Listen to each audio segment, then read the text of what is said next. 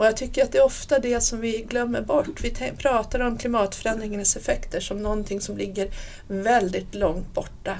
Och så ser det inte ut, utan vi pratar om en framtid som inte ligger längre bort än våra barns och barnbarns generationer.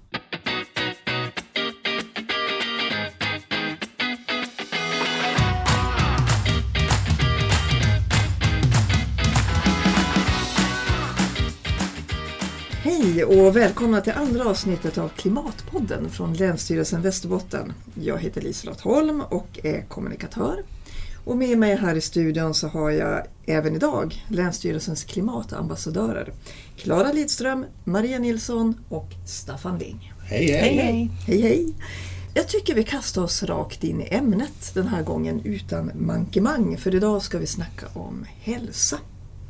Eh, Maria, du är ju docent vid institutionen för folkhälsa och klinisk medicin vid Umeå universitet. Eh, jag tänkte på det här, är, är det liksom bara jag? Eller har den här viktiga frågan om hälsa när det gäller klimatförändringarna kommit lite i skymundan i diskussionen? Den har väl aldrig riktigt på allvar väckts tillräckligt, tänker jag. Eh, vi har pratat jättemycket om temperaturerna och att vi inte ska komma över två grader när det handlar om medeltemperaturhöjning. Men, eh, och det har ju sitt ursprung i FN-processen där man tidigt satte tvågradersmålet. Och det jag tänker det är att blir lätt tekniskt när vi pratar om grader hit och dit och tvågradersmål och nu en och en halv graders mål vi behöver ha målen men för oss människor i allmänhet så blir det ganska tekniskt och långt borta. Men utveckla, på vilket sätt kommer hälsan att påverkas av klimatförändringarna? Ja, vi ser ju redan idag en påverkan här hos oss. Ehm, förändringen är ju allra störst hos de som är mest utsatta idag. Och det går faktiskt eh, samman med de som också lever under de svåraste villkoren på andra sätt. Men här hos oss uppe i norr så spelar temperaturerna roll, vare sig vi vill tro det eller inte för vi tycker vi har ganska kallt här uppe hos oss. Men temperaturerna när de höjs så bidrar det till ohälsa hos oss och då drabbar det ju de som är svaga på andra sätt, kanske redan är sjuka i någon kronisk sjukdom, mm. som är äldre. Eh, och det kan bidra till allvarlig sjuklighet och det kan bidra till att människor dör just när vi har de här långa värmeböljorna. Men Maria, när du säger till exempel att, att, att höjda temperaturer, pratar vi då om att det måste vara 35 grader eller är det liksom vid 25 eller vart, vart går gränsen när det börjar bli farligt för till exempel äldre? Om du ser till exempel som det var nu i somras mm. där vi hade en värmebölja som dröjde sig kvar. Mm. Vi har inte summerat det ännu men det kommer att handla om flera som har dött, eh, flera hundra skulle jag säga, som har dött utav det eh, i Sverige. Så att eh, det skördar offer redan nu. Men sen så bidrar det ju också till sjukdom. Till exempel samverkar det också med om vi har utsläpp av olika luftföroreningar. Så just temperaturerna och de utsläppen samverkar också och kan ge större sjuklighet. Och då talar man till exempel, kan jag tänka mig, om astmaallergier, ja, att man får liksom problem att andas. Ja, eh, luftvägssjuklighet. Ja. Astmaallergi och hos de som redan är sjuka av det så kommer ju problemen snabbare. Men man förstår ju att människor är mer eller mindre skickade för att leva i en viss miljö. Ja. Beroende på att man är född där, att man är generationer tillbaka. Mm att det tar tid att anpassa sig. Men om vi tar oss då som bor i den här delen av världen.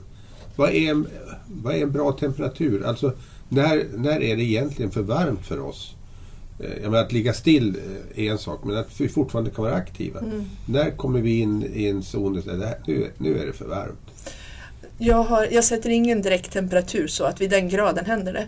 Men däremot så ser vi ju att när det är en, en temperatur som ligger några, några, grader över den medeltemperatur vi har under sommaren till exempel, där börjar det hända. Och när vi som förra sommaren hade tropiska nätter, när vi hade den typen av värme, när det aldrig heller blir riktigt svalt på natten, då växlar det upp. Men sen så kommer också, enligt ny forskning från Umeå universitet så har man också funnit att vi i norr vi far mer illa av de där höjda temperaturerna som vi inte riktigt är vana vid än vad man gör i södra Sverige. Det är ju jätteintressant. Är det genetik eller är det bara att vi, alltså att vi eh, är anpassade sämre för att vi är här uppifrån eller för att vi är ovana vid värme och håller på det är som nog, vanligt. Det är nog en kombination av många av de där olika Mm. sakerna. Att, vi både, både, att det både handlar om anpassning Mm. eh, i våra system men också att det handlar om att vi inte har lika bra anpassning hemma hos oss. Mm, Vi är inte riktigt vana vid det där. Men det här att vi har kunnat resa så mycket mer till varmare trakter. Det tror jag, jag upplever det som att jag tål värme bättre här hemma nu. Därför att man bara har tränat upp sig. Mhm. Där det är varmare. Okej, Jag vet inte om det funkar. jag törs Men inte säga någonting om det. eller? Men kanske man förstår eh, efter att ha varit i ett varmt land att man far inte ut och cyklar Nej. mitt Nej. på dagen. Man eller skyddar ut sig och lite bättre. promenerar. Ja, Mm. så att man kanske har, för, jag menar, precis som vi kan skratta åt när det kommer turister hit och inte har dunjacka på vintern kan ju de tycka att vi är galna som är ute och rör oss när det är Absolut. varmt. Så Visst. sådana saker kan man ju lära sig. Visst. Men jag kan tycka att det är obehagligt med de här klimatförändringarna på hälsoskäl. Till exempel med eh, fästingar. Mm. För det har jag alltid aldrig ens reflekterat över att det skulle kunna finnas fästingar. Mm. Eh, det finns det ju, har ju funnits ett tag i Absolut. Västerbottenskusten men jag är inte mycket vid kusten och inte det jag har varit. Aldrig, jag har aldrig sett en fästing på riktigt till exempel. Eh, och så var vi och tältade på, Gotland, eller på Öland i somras och då på vart min man varm så han gick ut och la sig i gräset på, på natten. Det är ju inget problem, det var inga mygg så det var jätteskönt. Och sen alla liksom som vi tältade med, han är galen, han kan inte ligga i gräset, jag måste kolla efter fästingar. Va? Alltså, och det, det kommer vi ju stå inför mer och mer här uppe också. Och då Absolut. känner man, det tycker jag är en sån här konkret grej, där man, det är väldigt obehagligt. Mm. Jo, men det är ju en annan sak som vi också redan ser den förändringen vara på gång. Och om man också tänker framåt så kan det ju vara så att vi också kommer att få nya arter, insekter eh, upp hit till oss som vi inte har idag. Mm. Så att, för det är ju också det som sker det i, när, när man får en förändrad temperatur och det kan också handla om fuktighet och så, så kan vi också se att vi får ny spridning av nya arter, men i nya områden. Men skulle vi kunna få typ malaria eller sådana sjukdomar uppe som sprids genom myggor och insekter? Alltså, vi har ju haft malaria i Europa tidigare, Mm. men det är ju länge sedan. mm. Eh, Men det finns ju andra myggburna sjukdomar som dengue till exempel. Eh, Vi har eh, flera stycken som skulle kunna, om de här myggarterna etablerar sig i Europa, eh, med den här typen av smitta och vi har en temperatur som har höjts så att de överlever, Mm. då har vi epidemierna här. Och enligt projektioner som har gjorts så, så är det ju vissa utav de här myggburna sjukdomarna som vi kommer att ha i Europa inom 50 år. Och jag tycker att det är ofta det som vi glömmer bort. Vi pratar om klimatförändringens effekter som någonting som ligger väldigt långt borta och väldigt långt fram i tid här i Sverige när vi pratar om det. Och så ser det inte ut utan vi pratar om en framtid som inte ligger längre bort än våra barns och barnbarns generationer.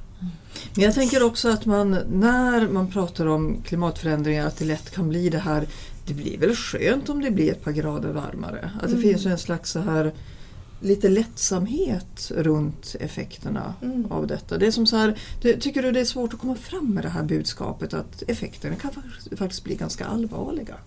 Ja, det är svårt att tala om att vi pratar faktiskt om effekter som kan vara, förändra våra liv eh, genomgripande. Eh, och det är svårt att prata om det och, in, och inte samtidigt få människor att bli livrädda och tänka att det är kört. Man måste både tala om att de här effekterna är allvarliga med de klimatförändringar som redan är på gång men också tala om vad vi kan göra för att minska riskerna och för att skydda oss. De två sakerna. Vi måste minska utsläppen. Vi måste minska dem snabbt. Vi måste faktiskt vara beredda att göra kraftfulla åtgärder. Det finns några saker som åtminstone har fått mig att förstå att det är inte så långt borta, att det faktiskt går fortare än vad jag kan förstå. Och det är när jag har sett filmer ur naturen där man har speedat upp det. Mm. Till exempel man har haft kamera över en glaciär i Schweizalperna. Mm. Och så ser man med vilken jädra fart den äts upp. Mm. Eh, alltså det är något fruktansvärt eh, när man ser det hända på det viset. Eller att någonting torkar ut eh, med en oerhörd fart. Mm. Eh, då ser man ett skeende som man normalt, ja men vad fasen om det droppar lite eh, från kanten av en glaciär, vad spelar det för roll? Tills man ser det där. Jag tror att Mm. Det kommer att växa på oss, Mm. eh, det här att, att förstå att det här går fort. alltså. Absolut. Och vi pratar ju ofta om att vi känner inte igen jularna och vintrarna från våra barndomsår. Och att det är ju så mycket sämre med snö. Och så är det.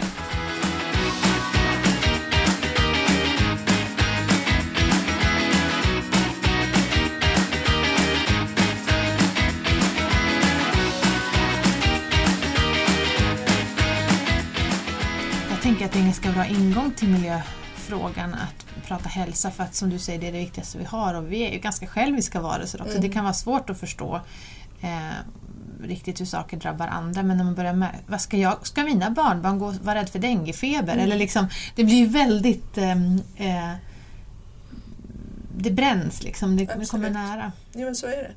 Och just det här med ens gamla föräldrar på ett äldreboende, kommer de att överleva sommaren? Mm. Och då inte på grund utav att, av någonting annat, utan bara på grund av värmen. Och, alltså vi måste börja bli bättre på att också anpassa våra verksamheter när det handlar om, om äldre och andra sårbara grupper redan idag. Något annat som vi har sett tydligt i år, inte minst i höst, det är det enormt långvariga lågtrycket. Att det ligger en jättelik matta av tunga moln över oss i den här delen av världen. Och jag tänker på en novell av Torgny Lindgren.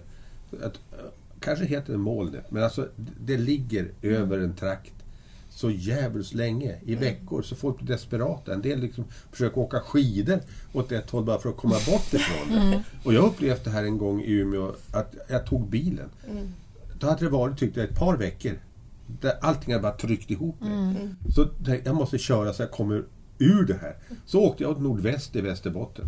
Men när jag passerar Örträsk och fortfarande samma, då har jag åkt 10-11 mil. Jag är fortfarande inne i det här. Så på, på något, och, och huvudpersonen i den novellen, han kalhugger ju ett berg bara för att få en jädra horisont. Eh, och så dör han ju på köpet för det, det är priset för oss människor när vi... Men på något vis är det att det där sätter sig också på vårt hum, humör. Mm, jag alltså mentalt, jag har tänkt på det jättemycket att jag har så svårt för det här blöta. Jag är inte van vid det. Nu har inte jag levt så himla länge upplevt, jag har inte upplevt vintrar på 50-talet liksom, när det var ännu mer snö, men bara, eh, bara de här blötperioderna och då, det sätter sig också på hälsan att jag blir tokig. Och också börja tänka liksom, vad ska jag göra om vintrarna här nu börjar vara så här milda? Vart ska jag flytta för att vara någonstans där jag står ut på vintrarna? Och, och tänkt mycket på, ja men Jokkmokk, där kommer det finnas vintrar ett tag till. Alltså det, är- det är klart, det är också en hälsoaspekt som jag inte har tänkt på men som skapar ganska mycket oro, ångest och, och liksom frustration över vad är det för väder som bara hänger sig i och hänger i. Liksom. Men det, jag som är från Kiruna tänker ju likadant. Så att det som, ibland tänker jag så här, det kommer nästan att bli några så här klimatflyktingar norrut. För att man trängtar ju efter snö och Ja, ljuset som snön för med sig. Och jag tycker det är, lite, det är intressant att vi kom in på en gång på även på det här med psykiska, psykisk påverkan utav klimatförändringar. Så att det liksom hälsa är både, det är både psykiskt och fysiskt. Absolut, och det har börjat komma mer och mer forskning också inom det området för det har kommit lite efteråt. Eh, och det ser vi faktiskt i väldigt många delar av världen när det handlar om forskningen att det har en betydelse. Både för det här allmänna, det vi, som vi är vana vid, snön på vintern och ljuset det kommer med. Men sen om man också tänker på de som är beroende utav av naturen för sin näring. Som vi tänker på bönderna och, och skogsägarna i somras med, de här, med torkan och de stora bränderna som var. Om vi tänker på samerna som är beroende utav att kunna, de renskötande samerna av att kunna utföra sin näring när hela klimatet ändras.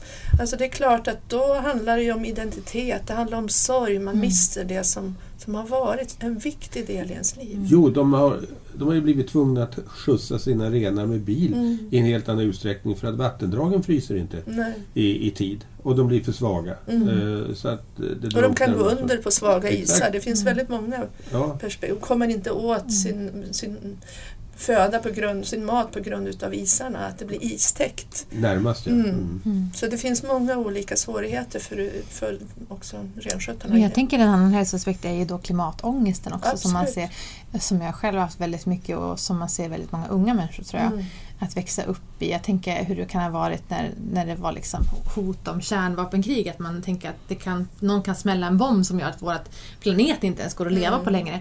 På samma sätt är det nu fast det är ett mycket mer verkligt hot och, och som handlar om att vi kanske inte ska bo på den här planeten. Nej. Hur ska man bemöta det och hur ska man få folk att och klara av att vara i det. För mig har det varit i perioder, till exempel när jag har varit gravid, så jag har slutat lyssna på nyheter, jag orkar inte läsa på Facebook för jag vill inte att någon ska lä- länka till FNs klimatrapport. Jag klarar inte av att ta in alla de här sakerna. Jag tror att man måste också ha respekt för att eller min strategi i det har varit för att kunna vara, vara engagerad men fortfarande inte bli de- deprimerad är Mm. att dels fatta de beslut man kan i sitt vardagsliv. Alltså, jag kan inte styra över vad Donald Trump eller vad de gör i Kina eller någonting. Jag kan styra över att jag konsumerar bra saker, vad, hur jag värmer mitt hus, jag kan styra vad jag äter för mat, hur, jag, hur mycket jag kör bil. Och då kan jag också känna att hur det än blir kan jag i alla fall titta på mitt liv och känna att jag har gjort det jag har kunnat. Mm. Jag hade kunnat gjort, jag kan göra ännu mer såklart, men jag har gjort väldigt mycket som jag har kunnat. Eh, och eh, sen så får man också fundera på vem man ska rösta på alla sådana saker. Men sen måste man inte ta in allting. Man, måste också, man har också rätt att gränsa sig för att vi kan inte heller ha en generation som är helt eh, utan hopp. Nej, nej. Det betyder inte att vi, ska, att vi ska låtsas som att det inte finns men att det måste bli som lagom doser för att man tar ifrån människor hopp så känner man ju det finns ingen poäng att hålla mm. på med det, och det här är verkligen svårigheten tycker jag när jag jobbar med forskning mm. och, och, verkligen vill kommunicera forskningen så att den kan användas. Att man måste prata om allvaret mm. och det kan vi inte låta bli att göra för det är allvarligt. Men vi måste också kunna peka på de vägar man kan ta. Mm. Det finns ju, ett, som du säger, när man kan och vet någonting, mm. då kan man inte bortse från det. Nej. Det finns ingen återvändo från mm. kunskap på det mm. viset. Uh, och du, du oroar dig naturligtvis Absolut. Uh, mycket och det gör ju vi också. Mm. Och försöker man skjuta bort en del för mm. det blir för mycket. Mm. Men det är en sån där grej som dyker upp igen och igen i mitt huvud. Det är detta, vad händer med Golfströmmen? Mm. Eftersom det påverkar egentligen min närmiljö väldigt mycket. Ja, vi har ju flera av de här stora systemen som, som är viktiga för hela världen egentligen. Mm. Och får effekter på olika sätt beroende på var man mm. bor och vilket system det är som är påverkat. Och nu här i somras så kom en forskningsartikel som just handlade om det som kallas för återkopplingsmekanismer och det är bland det läskigaste jag läser egentligen. Men förklara. Alltså man, det finns olika system som är viktiga för oss globalt och om de här systemen börjar påverkas så då kommer det ena att påverka det andra och sätta igång processer som en slags dominoeffekt. Mm. Och det handlar om system till exempel som när, ja, skogsdöd i Amazonas, eh, barrskogsdöd, permafrosten som försvinner, metangasutsläpp i havsbottnar. Alltså det är stora system som kan skapa återkopplingar, dominoeffekter och då står vi oss ganska slätt som människor för då är det redan alltså då är det självgående processer som kommer att innebära att större negativa förändring, förändringar för varje process som startar och sätter igång nästa. Mm. Man läser ju om virus som väcks till liv när ja. permafrosten mm, smälter. Och det låter ju som en skräckfilm, ja. men det här är ju faktiskt en realitet. Alltså bakterier i oceanerna, det är olika saker som finns som um, är mycket skrämmande. Så därför så, så är, om vi nu ska prata om hälsan, så är det mycket som står på spel. Mm. Som handlar egentligen om hela vår livsmiljö. Och det är därför det är så viktigt att um, vi gör någonting åt det här. Ehm, och som sagt jag dämpar min oro genom att försöka just göra någonting åt både i mitt privata liv men också mm. i mitt yrkesliv.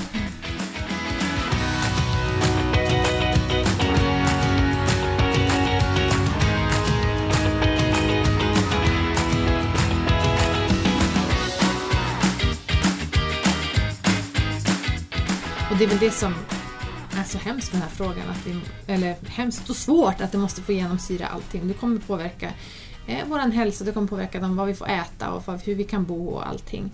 Och det är en ganska skrämmande tanke eftersom vi i alla fall i Sverige har levt med att det blir bättre för varje generation och får mer valfrihet och vi får mer möjligheter, vi får resa mer, vi kan uppleva att gå, liksom inse att det kommer inte bli bättre nu kanske utan vi måste kanske skala ner och avstå från massa saker som, vi, som en generation tidigare var självklara att göra. Mm. Det ja, göra en... mera tydliga val. Ja. Och då tänker jag att då är det viktigt också med politiken igen. Vi gjorde en, en, jag har varit med och göra en studie, en europeisk studie som handlar om hushållskonsumtion. Och där vi just tittar på vad hushåll, privatpersoner är villiga att eh, göra för att minska den med hälften. Mm. Alltså hur ska jag få ner min, mitt klimat, inte konsumtionen utan klimatavtryck till hälften. Mm. Och eh, det vi såg där det var att genom frivilliga val där personer säger det här kan jag tänka mig att göra så kom de ner 25 procent. Mm. Och det är alldeles otillräckligt. Mm. Vi måste få ner klimatavtrycken mer än så. Och därför behövs den politiska nivån som stödjer en sån utveckling Mm. hos oss. Men det behövs politiker som vågar det och som folk Ja, kan absolut. rösta på. Det är det som är så himla svårt. Och, och som inser allvaret. Så precis Mm. som du är inne på, vi behöver liksom ha en... Både vi privatpersoner måste Mm. tillsammans med em, politiken gå åt samma håll i det här. Mm. Och det som vi också såg i den studien, det var att, att eh, man, man sa sig vara villiga att göra mer saker, men efterlyste politiska Mm. beslut. Just därför att det ska gälla för alla. Exakt, för det är det jag tror. Ska jag avstå från Mm. det här när alla mina grannar fortfarande kör Mm. två bilar? Alltså det är svårt. Vi måste ha mer styrmedel. Så men- ska det få kraft så är det Mm. så det behöver Mm. ske. Men jag tänker att det, förlåt att jag avbryter, men jag Mm. tänker att det är det som är så, så starkt i det du pratar om miljö och klimatförändringar. För att många av de sakerna som vi pratar om i matavsnittet går ju hand i hand. Till exempel att ett sätt att minska kli- klimatavtryck är ju att eh, äta mer grönt och det är också ett sätt att värna om sin hälsa. Ett sätt att minska kli- klimatavtryck är att ställa bilen och det är bra för miljön. Det är också ett sätt att värna sin hälsa, att istället cykla eller Ja. röra på sig. Så att hela tiden tror jag att hälsoperspektivet kan vara ett sätt, en, en ganska bra piska faktiskt. Eh, eller morot, att liksom hjälpa oss att, ta, tänk, att bli mer motiverade att fatta de här Mm. svåra besluten. Och då tänker jag också att politikerna, beslutsfattarna behövs därför att bor man i inlandet så kan man inte ställa bilen på samma sätt Mm. eh, som man kan göra i stan. I stan är det enkelt att ställa bilen egentligen om man bor i stan. Mm.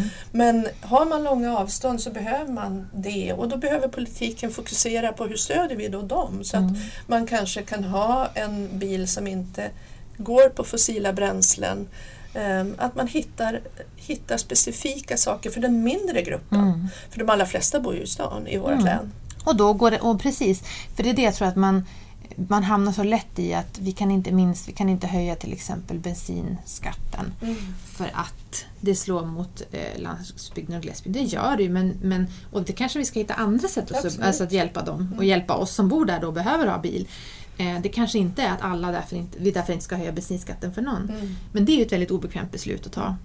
Eh, Men det blir så lätt att vi är lite enögda, polariser- polariserar istället för att just tänka vad behövs specifikt för den gruppen.